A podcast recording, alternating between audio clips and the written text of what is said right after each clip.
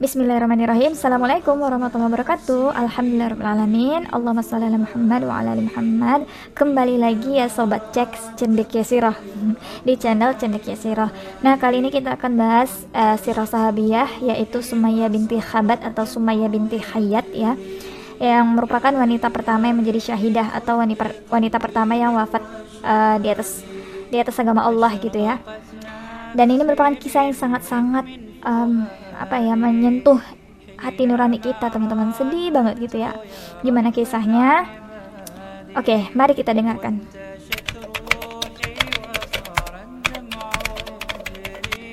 Di masa awal Islam, mengucapkan dua kalimat syahadat bukanlah hal mudah. Seseorang harus siap kehilangan dunianya, kehilangan ayah atau ibu, atau saudara, kerabat, dan mata pencaharian. Mereka nggak hanya dikucilkan di masyarakat, tapi juga mengalami penyiksaan. Jadi memang berat ya teman-teman uh, mengucapkan dua kalimat syahadat di awal-awal ya, di awal-awal uh, Rasulullah itu berdakwah gitu ya di fase Makkah itu. Jangankan mereka yang berstatus sosial rendah, bangsawan pun mengalami hal yang mengerikan. Abu Bakar As-Siddiq, seorang bangsawan, pernah dipukuli sampai pingsan. Oleh karena itu, mereka yang memeluk Islam di zaman itu adalah orang pilihan.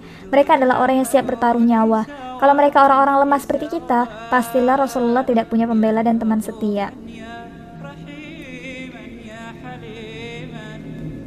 Di antara mereka yang memeluk Islam di awal kedatangannya adalah Sumayyah binti Khayyat atau Sumayyah binti Khabat ya teman-teman.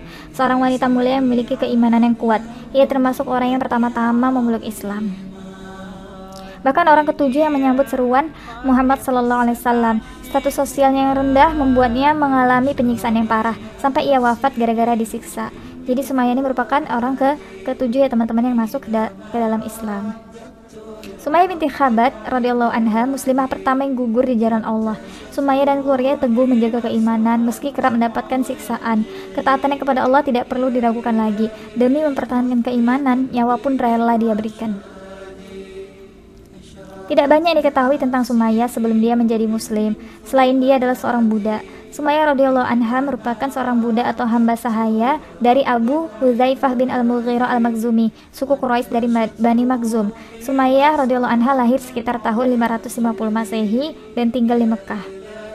Posisi Sumayyah yang sebatang kara membuatnya hidup serba kesulitan, apalagi berada di bawah aturan-aturan yang berlaku semasa jahiliyah. Hampir tidak ada kabilah yang sudi membelanya. Kemudian beliau dinikahkan dengan pendatang miskin dari Yaman yang bernama Yasir bin Amir dan dikaruniai anak bernama Ammar bin Yasir. Oleh karena statusnya sebagai budak dan suaminya sebagai pendatang, maka tidak ada satupun kabilah yang bersedia membelanya, menolongnya, dan mencegah kezaliman atas dirinya. Beliau hidup sebatang kara sehingga aturan yang berlaku pada masa jahiliyah saat itu menyudutkan posisi beliau.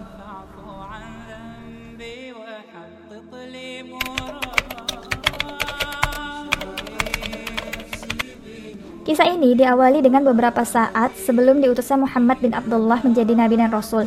Yasir bin Amir yang nantinya menjadi suami Sumayyah radhiyallahu anha datang dari Yaman bersama dua saudaranya, Al Harits dan Malik ke kota Mekah untuk mencari saudara mereka yang menghilang dalam beberapa tahun terakhir. Sejak itu, mereka terus mencari ke berbagai pelosok negeri hingga sampai di kota Mekah. Tapi di kota ini pun mereka tidak menemukannya, jadi nggak ketemu ya teman-teman saudaranya. Karena itu, Al Harits Al-Harits dan Malik memutuskan pulang ke Yaman, sedangkan Yasir tetap tinggal di Mekah karena merasakan suasana bahagia dan gairah yang aneh, sehingga dia memilih tetap tinggal di Mekah. Yasir tidak tahu bahwa keputusannya itu uh, dia telah masuk gerbang sejarah baru yang terang benderang. Ada tradisi yang berlaku di masyarakat Arab apabila orang asing ingin tinggal di suatu negeri, maka ia harus mengikat perjanjian dengan salah satu tokoh terkenal di kota tersebut untuk melindungi dirinya dari segala bentuk gangguan masyarakat dan dapat hidup dengan tenang dan nyaman di kota tersebut. Yasir seorang pendatang yang kemudian menetap di Mekah, sehingga tidak ada kabilah yang dapat membelanya, menolongnya, dan mencegah kezaliman atas dirinya. Dia hidup sebatang kara, sehingga posisinya sulit di bawah aturan yang berlaku pada masa jahiliyah. Yasir mendapati dirinya menyerahkan perlindungannya kepada Bani Makhzum. Yaitu Bani Makhzum ini ban, uh, klan yang terkenal ya teman-teman, klan yang disegani gitu ya di Mekah. Yasir mengikat perjanjian dengan Abu Huzaifah bin Al-Mughirah Al-Makhzumi. Ada sumber menyatakan Yasir ini sebenarnya sepupu Abu Huzaifah. Ada juga yang menyatakan bahwa saudara angkat gitu.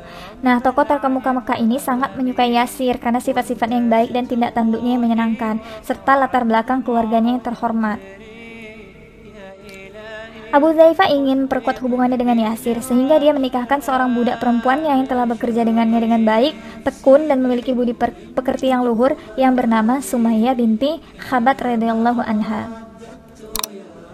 Saat itu, Sumayyah sama sekali bukan orang terkenal di Mekah karena kegiatan-kegiatan yang digelutinya tidak lebih dari melayani tuannya, Abu Zaifah bin Al-Mughirah. Dari pernikahannya dengan Sumayyah binti Khabat, Yasir dikaruniai seorang putra yang penuh berkah bernama Ammar bin Yasir. Namun karena satu Sumayyah adalah budak, anaknya pun otomatis berstatus budak juga. Ammar pun menjadi budak Abu Zaifah sebagaimana ibunya.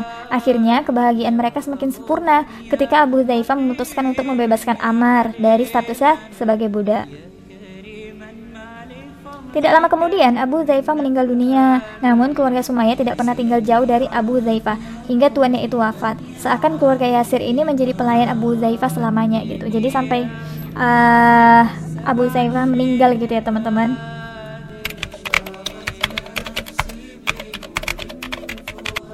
Hingga akhirnya sebuah kabar gembira bagi seluruh umat manusia tiba. Seorang yang bernama Muhammad sallallahu alaihi wasallam datang membawa cahaya iman dengan agama yang diridai Allah Subhanahu wa taala, yakni Islam. Muhammad adalah seorang rasul yang membawa kabar gembira dan penyempurna akhlak manusia. Kabar datangnya nabi baru mengguncang seantero Mekah. Ada orang yang tertarik, namun lebih banyak yang menolak karena memang sulit tadi ya teman-teman ketika uh, memilih untuk masuk Islam di awal-awal dakwah Rasulullah gitu. Tatkala Amar hampir menjelang dewasa dan sempurna sebagai seorang laki-laki, beliau mendengar agama baru yang didakwahkan oleh Muhammad bin Abdullah kepada beliau. Amar bin Yasir juga diam-diam mendengarkan dakwah Nabi. Amar bin Yasir dengan rasa penasarannya mendatangi Rasulullah di rumah Arkom bin Abi Arkom dan mendengarkan langsung wahyu yang diturunkan Allah Subhanahu wa taala. Berfikirlah Amar bin Yasir sebagaimana yang dipikirkan oleh penduduk Mekah, sehingga kesungguhan beliau dalam berfikir dan lurusnya fitrah beliau menggiringnya untuk memeluk dinul Islam. Amar tahu betul sifat dan akhlak seorang Muhammad yang sangat terpuji. Ia langsung yakin dengan kebenaran firman Allah Subhanahu wa taala yang disampaikan melalui Rasulullah sallallahu alaihi wasallam. Tanpa rasa ragu, Amar mengucap ikrar syahadatnya dan menjadi seorang muslim. Dengan penuh kegembiraan, Amar ingin menyampaikan kabar datangnya seorang nabi itu kepada ayah dan ibunya. Suatu hari, Amar pulang ke rumahnya dengan langkah yang cepat untuk merangkul tangan kedua orang tuanya. Wajahnya berseri, tak sabar menyampaikan kabar gembira pada orang tuanya. Kabar itu ialah tentang agama Islam dan diutusnya Muhammad sebagai nabi dan rasul. Setibanya Amar radhiyallahu anhu mengucapkan salam kepada kedua orang tuanya dan membacakan ayat-ayat Al-Quran.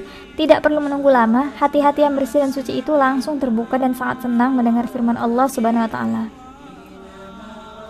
Yasir dan Sumayyah menyahut dakwah yang penuh berkat tersebut dan bahkan mengumumkan keislamannya. Sumayyah pun menjadi orang ketujuh yang masuk Islam.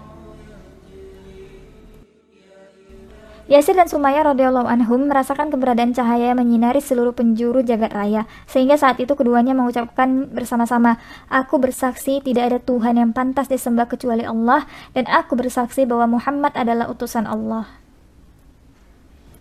Itu juga adalah hari di mana kebahagiaan dan kesengsaraan beradu. Amar menuntun orang tuanya untuk memeluk Islam dengan hidayah Allah. Yasir dan Sumayyah pun bersyahadat. Itulah mengapa hari itu menjadi hari paling bahagia dalam keluarga mereka. Lalu mengapa menjadi hari kesengsaraan pula? Karena sejak mereka berislam, artinya mereka siap menanggung segala penyiksaan kaum kafir Quraisy, apalagi status Sumayyah sebagai seorang budak wanita. Saat itu jumlah pengikut Rasulullah hanya bisa dihitung jari. Saat itu, yakni di awal-awal Islam, pengikut Rasul yang berasal dari kaum Quraisy terlindungi dari siksaan. Tidak ada yang berani mengusik mereka. Namun mereka yang berstatus budak mendapat siksaan yang sangat berat. Sebut saja Ammar, Yasir, Sumayyah, Suhaib, Bilal, dan Al-Miqdad. Pada awalnya, Sumayyah dan keluarganya menyembunyikan keimanan mereka terhadap Islam. Namun, tauhid yang disembunyikan rapat-rapat itu akhirnya diketahui juga. Mengetahui Sumayyah dan keluarganya telah masuk Islam, murkalah orang-orang musyrikin, terutama Bani Makzum yang selama ini melindungi mereka. Keluarga Sumayyah bukan berasal dari kalangan bangsawan. Sumayyah pun hanya bekas budak yang diberdekakan tuannya. Statusnya ini membuatnya menjadi incaran kaum Quraisy supaya kembali lagi memeluk agama nenek moyang.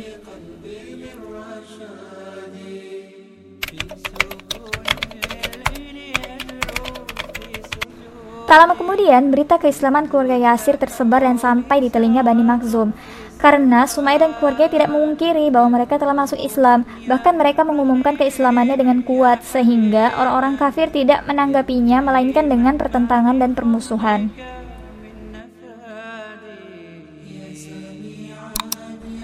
Mereka marah besar dengan kejadian itu sehingga langsung mendatangi keluarga Yasir dan menyiksa mereka dengan begitu keras. Salah satu tokoh yang sangat terkenal dalam penyiksaan tersebut adalah Abu Jahal. Kepada orang-orang yang terang-terangan mengaku sebagai muslim ya teman-teman, apalagi yang nggak punya uh, tempat perlindungan seperti budak-budak, Abu Jahal memimpin Bani Makhzum untuk menyiksa mereka. Ia juga mengobarkan permusuhan kepada para saudagar yang masuk Islam. Ia berjanji akan menutupi pintu-pintu perdagangan yang mereka lakukan luar biasa ya nih Abu Jahal ya bener-bener segitu bencinya gitu ya dengan Islam Walau menghadapi siksaan bertubi-tubi, Sumaya tetap tegar dalam menerima cobaan. Ia menghadapi Abu Jahal layaknya seorang pejuang. Ia menolak ancaman Bani Makhzum dan perintah agar kembali kepada keyakinan nenek moyang mereka. Penderitaannya mulai berbuah dengan datangnya kabar gembira dari Rasulullah SAW. Beliau mengatakan, Sumaya dan keluarganya akan memperoleh jaminan masuk surga dari Allah Subhanahu wa taala. Tak lama setelah kabar itu datang, kematian menjemput Sumaya sekeluarga. Mereka menjadi syahid dan syahidah pertama dalam sejarah Islam. Nah, di sini Sumaya dan suaminya itu wafat ya karena siksaan dari kaum kafir Quraisy, teman-teman. Tapi Ammar uh, tidak wafat ya, teman-teman. Ammar masih terus hidup. Ketika terik matahari memuncak, mereka menyeret keluarga Yasir ke tengah lapang yang panas dan menyuruh mereka memakai baju besi. Mereka tidak diberi minum dan tetap dibiarkan terpanggang oleh sinar matahari. Mereka menerima penyiksaan yang bermacam-macam dari Bani Makhzum. Kalau mereka benar-benar telah kepayahan, mereka dibawa pulang ke rumah kemudian disiksa kembali pada hari berikutnya. Mereka membuang Sumaya ke sebuah tempat lalu menaburinya dengan pasir yang sangat panas jadi bolak balik disiksa teman-teman udah hari udah mulai malam dibawa ke rumah eh besok dibawa lagi keluar untuk disiksa seperti itu terus menerus Kemudian mereka meletakkan semongka batu yang sangat berat di atas dada Sumayyah. Akan tetapi tidaklah terdengar rintihan ataupun ratapan, melainkan ucapan ahad, ahad. Beliau mengulang-ulang kata tersebut sebagaimana yang dilakukan oleh Yasir, Ammar, dan Bilal ketika mereka disiksa dengan siksaan yang keji. Kondisi ini juga dialami oleh setiap orang yang menyatakan keislamannya secara terbuka, tapi beratnya siksaan yang mereka terima berbeda-beda. Sementara mereka hanya bisa bersabar dan menyerahkan segalanya kepada Allah Subhanahu wa taala. Karena mereka yakin bahwa barang dagangan Allah, surga, ya, sangat mahal. Mereka harus mengorbankan jiwa dan segala yang dimilikinya untuk dapat hidup di taman-taman surga dan meraih keridhaan Allah yang Maha Pengasih dan Maha Penyayang.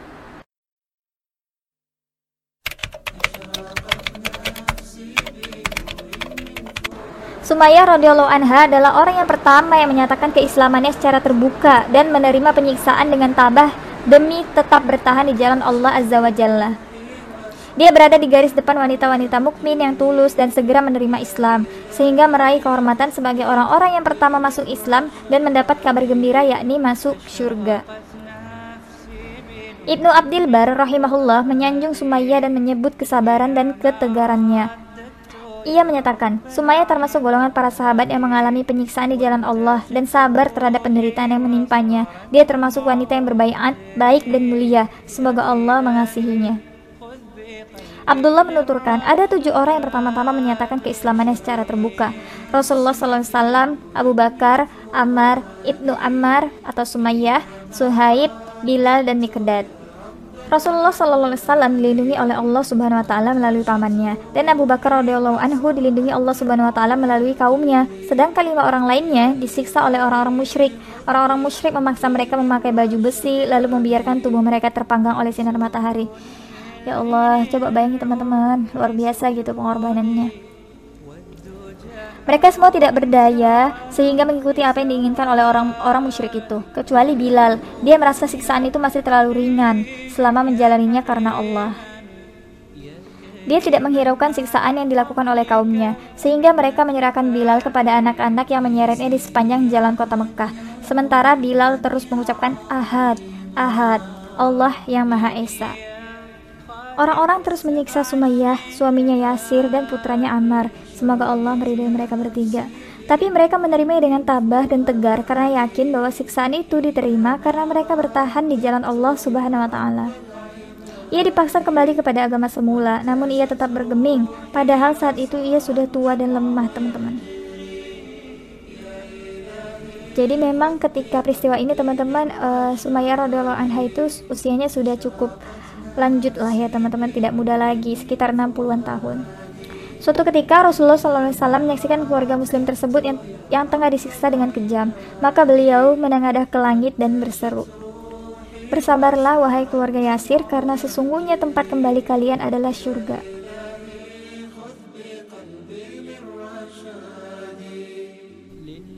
Sumayyah binti Khayyat mendengar seruan Rasulullah SAW, maka beliau bertambah tegar dan optimis. Dengan kewibawaan imannya, dia mengulang-ulang dengan berani, Aku bersaksi bahwa engkau adalah Rasulullah, dan aku bersaksi bahwa janjimu adalah benar.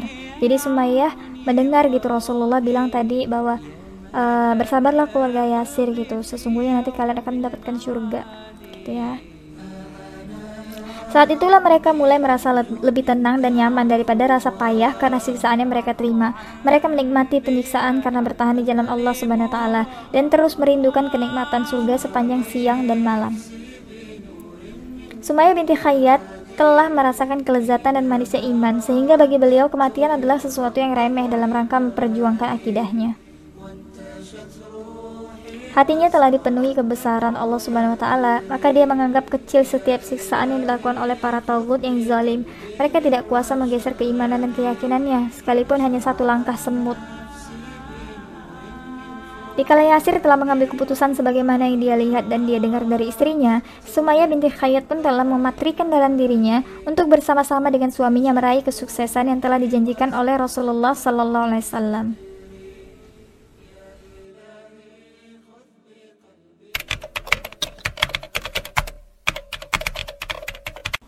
Abu Jahal merupakan orang yang berperan besar dalam menggalang orang-orang Quraisy untuk menyiksa kaum muslimin yang lemah itu. Jika dia mendengar seseorang yang cukup terpandang dan kuat telah masuk Islam, maka dia akan mengecam dan menghinanya. Dia berkata, engkau telah meninggalkan agama orang tuamu sendiri, padahal itu lebih baik darimu. Kami akan menghinamu, memandang sebelah mata pendapatmu, dan menjatuhkan kehormatanmu. Begitulah kata Abu, Abu Jahal teman-teman. Namun, jika yang masuk Islam tersebut seorang pedagang, maka Abu Jahal akan berkata padanya, kami akan mempersempit peluang dagangmu dan menghancurkan kejayaanmu. Sedangkan yang jika yang masuk Islam adalah orang lemah atau miskin, maka dia langsung memukulinya dan menggalang orang-orang Quraisy untuk memusuhinya. Semoga Allah melaknat dan merendahkan merendahkan Abu Jahal. Luar biasa nih Abu Jahal ya. Sementara Sumayyah radhiyallahu anha, sahabat Rasulullah SAW yang agung, tetap tegar dan menerima siksaan yang tidak pernah berhenti. Ia sabar terhadap intimidasi yang dilakukan oleh Abu Jahal, layaknya seorang pejuang yang gagah berani dan menolak mengubah keyakinan barunya. Tekad Sumayyah tidak pernah surut dan iman yang telah mengangkatnya kepada derajat wanita-wanita agung dan sabar tidak pernah melemah. Tatkala orang-orang kafir telah putus asa untuk mengeluarkan Sumayyah dari agama Islam, maka musuh Allah Abu Jahal si Fir'aun ini melampiaskan keberangasannya dengan menusukkan sangkur yang ada di genggamannya kepada Sumayyah. Sangkur itu semacam tombak ya teman-teman. Maka mengalirlah darah dari tubuhnya yang tua. Sambaran terik matahari pada pasir Mekah membakarnya. Dipadu dengan caci maki kafir Quraisy, keimanan tetap ia pertahankan. Jadi masya Allah ya teman-teman Sumaya ini dari kecil ya dari lahir itu adalah seorang budak ya teman-teman. Nggak pernah merasakan yang namanya kenikmatan yang wah gitu ya. Selalu melayani Tuhan ya selalu melayani Tuhan. Kemudian datang Islam gitu loh mengetuk hatinya gitu. Belum pernah dia mengetahui ada agama gitu ya ada ajaran agama yang menyamaratakan semua manusia gitu. Menyamaratakan antara budak dengan tuannya tidak ada perbedaan yaitu Islam gitu. Di mata Allah semua semua sama. Itu yang membuat Sumayyah ah, masa ada ajaran seperti itu? Bukannya Buddha ini selalu lebih rendah gitu daripada tuannya? Makanya itu yang bikin Sumayyah itu langsung terketuk teman-teman untuk bisa masuk Islam. Kemudian lagi dia tetap semangat gitu walaupun mendapatkan siksaan teman-teman. Walaupun ternyata setelah masuk Islam bukan makin bahagia gitu kehidupannya. Tapi makin disiksa makin disiksa. Tapi dia tetap pertahankan itu. Hingga akhirnya apa? Ia menjadi wanita syahidah pertama dan akhirnya bisa bisa mendapatkan surga insya Allah. Karena sudah Rasulullah Rasulullah jaminkan gitu ya teman-teman. Masya Allah, luar biasa sekali. Jabir radhiyallahu anhu berkata, mereka membunuhnya, tapi ia tolak semuanya kecuali Islam. Saat Abu Jahal tewas di perang Badar, Nabi Wasallam berkata pada Ammar radhiyallahu anhu, telah tewas pembunuh ibumu. Begitulah kata Nabi Muhammad Wasallam. Sumayyah radhiyallahu anha tetap teguh walaupun disiksa, maka keluarlah nyawa beliau dari raganya yang beriman lagi suci, sehingga beliau adalah wanita pertama yang syahid dalam Islam. Beliau gugur serta memberikan teladan yang mulia bagi kita dalam hal keberanian dan keimanan. Beliau telah mengerahkan semua yang beliau miliki dan menganggap ringan kematian dalam rangka mempertahankan imannya. Beliau telah mengorbankan jiwanya yang berharga demi meraih keridhaan Rabbnya dan mendermakan jiwa adalah puncak kedermawaan yang tertinggi. Penderitaan mulai berubah menjadi anugerah Allah. Setelah Rasulullah SAW menyampaikan kabar gembira bahwa Sumayyah dan keluarganya akan meraih kenikmatan surga, saat itulah Ummu Ammar, Sumayyah radhiyallahu anha berdiri, berdiri tegak untuk menorehkan catatan paling bersejarah dengan darahnya, yakni menjadi orang pertama yang meraih syahidah atau mati syahid dalam sejarah Islam. Jadi menjadi orang yang pertama teman-teman ya yang meraih meraih gelar syahidah gitu ya dalam sejarah Islam. Peristiwa ini terjadi ketika Abu Jahal semoga Allah membalas kejahatannya dengan balasan yang setimpal. Menyiksanya lalu menghujamkan tombak pendek pada tempat kehormatannya hingga meregang meregang nyawa. Mujahid menyatakan wanita pertama yang gugur sebagai syahid pada fase awal perkembangan Islam adalah Ummu Ammar, Sumayyah. Abu Jahal menusuk kubul atau kemaluannya dengan tombak pendek. Ibnu Hajar berkata dalam kitabnya Al-Isabah, Sumaya binti Khabat bekas hamba saya Huzaifah bin Al-Mughirah bin Magzum. Beliau adalah ibu Ammar bin Yasir, orang yang masuk Islam pada hari ketujuh. Sumaya disiksa Abu Jahal dan ditusuk tombak pada kemaluannya hingga meninggal dunia. Ia adalah wanita yang pertama kali mati syahid dalam Islam. Yasir dinikahkan oleh Zaifah dengan Sumayyah kemudian mendapat seorang anak yang diberi nama Ammar setelah dimerdekakan. Yasir, Ammar, dan Sumayyah termasuk angkatan pertama yang memeluk Islam. Ibnu Sa'ad meriwayatkan dengan sanad yang sahih dari Mujahid ia berkata, wanita yang pertama sekali mati syahid dalam Islam ialah Sumayyah, seorang wanita tua yang lemah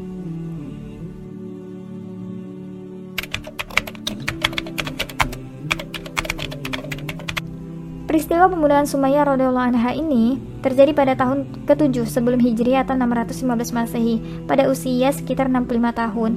Sumayyah merupakan contoh muslimah yang bisa dijadikan teladan dalam hal kesabaran, pengorbanan dan ketabahan. Semoga Allah meridai Sumayyah radhiyallahu anha dan menjadikannya ridho serta menjadikan surga, surga Firdaus sebagai tempat persinggahan terakhirnya.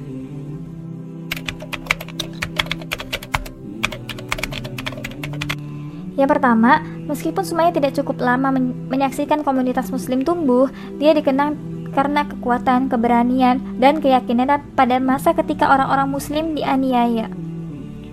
Dia sangat penting karena komitmennya yang luar biasa terhadap keyakinannya. Ini akan menghilangkan citra wanita muslim saat ini bahwa mereka tertindas dan tidak memiliki pilihan dalam hal bagaimana mereka menjalankan iman mereka. Sumaya memilih untuk menjadi seorang muslim dan berdiri melawan orang-orang Mekah, bahkan mempertaruhkan nyawanya dan memiliki kekuatan yang akan mengilhami pria dan wanita muslim di kemudian hari saat mereka berjuang untuk membangun sebuah komunitas muslim. Karena itulah beliau dianggap sebagai panutan bagi bagi semua umat Islam.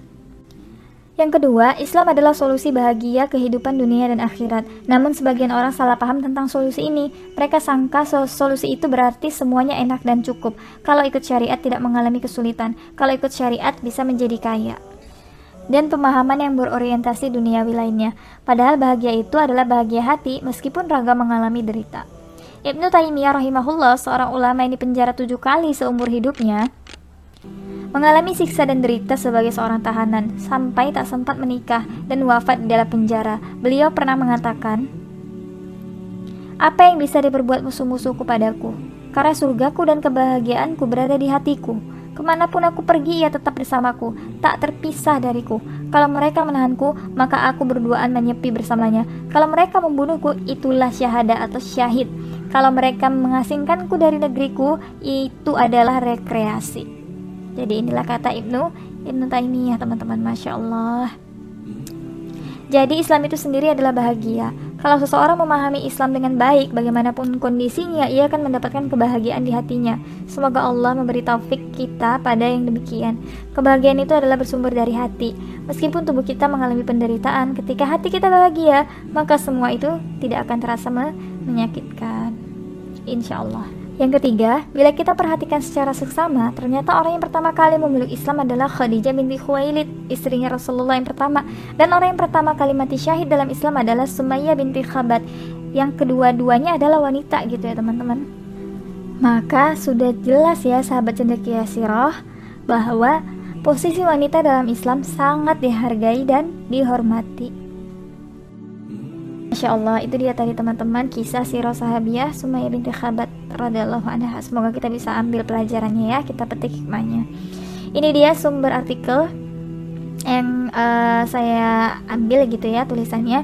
Thisisgender.com rep republika.co.id, kisahmuslim.com, muslimah.org.id, hazana.republika.co.id, www.islampost.com, muslimahdaily.com, online.mdpekan.gov.id MY www.harapanrakyat.com mantra sukabumi.pikiran rakyat.com kumparan.com celebesmedia.id dan nasionalkompas.com Nah, berbukunya yang pertama 35 Sirah Sahabiah jilid 2 karya Mahmud Al-Misri. Kemudian mereka adalah para sahabiat karya Mahmud Mahdi Al-Istanbuli, Mustafa Abu An-Nashr Asyalabi dan Dr. Abdurrahman Ra'fat Basya.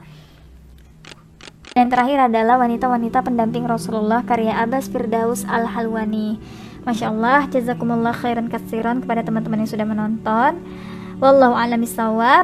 Jangan lupa untuk jika bermanfaat untuk di subscribe teman-teman dan kalau ada kritik dan saran silahkan di komen di kolom komentar. Terima kasih semuanya. Wassalamualaikum warahmatullahi wabarakatuh. Alhamdulillah itu dia teman-teman uh, sumber dari buku-bukunya. Wallahu a'lam bishawab. Terima kasih teman-teman sudah menonton. Jazakumullah khairan katsiran. Sampai bertemu di kisah-kisah berikutnya. Jangan lupa untuk subscribe jika memang channel ini bermanfaat dan juga di follow akun-akun media sosialnya ada Facebook, podcast dan Twitter. Oke, okay, assalamualaikum warahmatullahi wabarakatuh.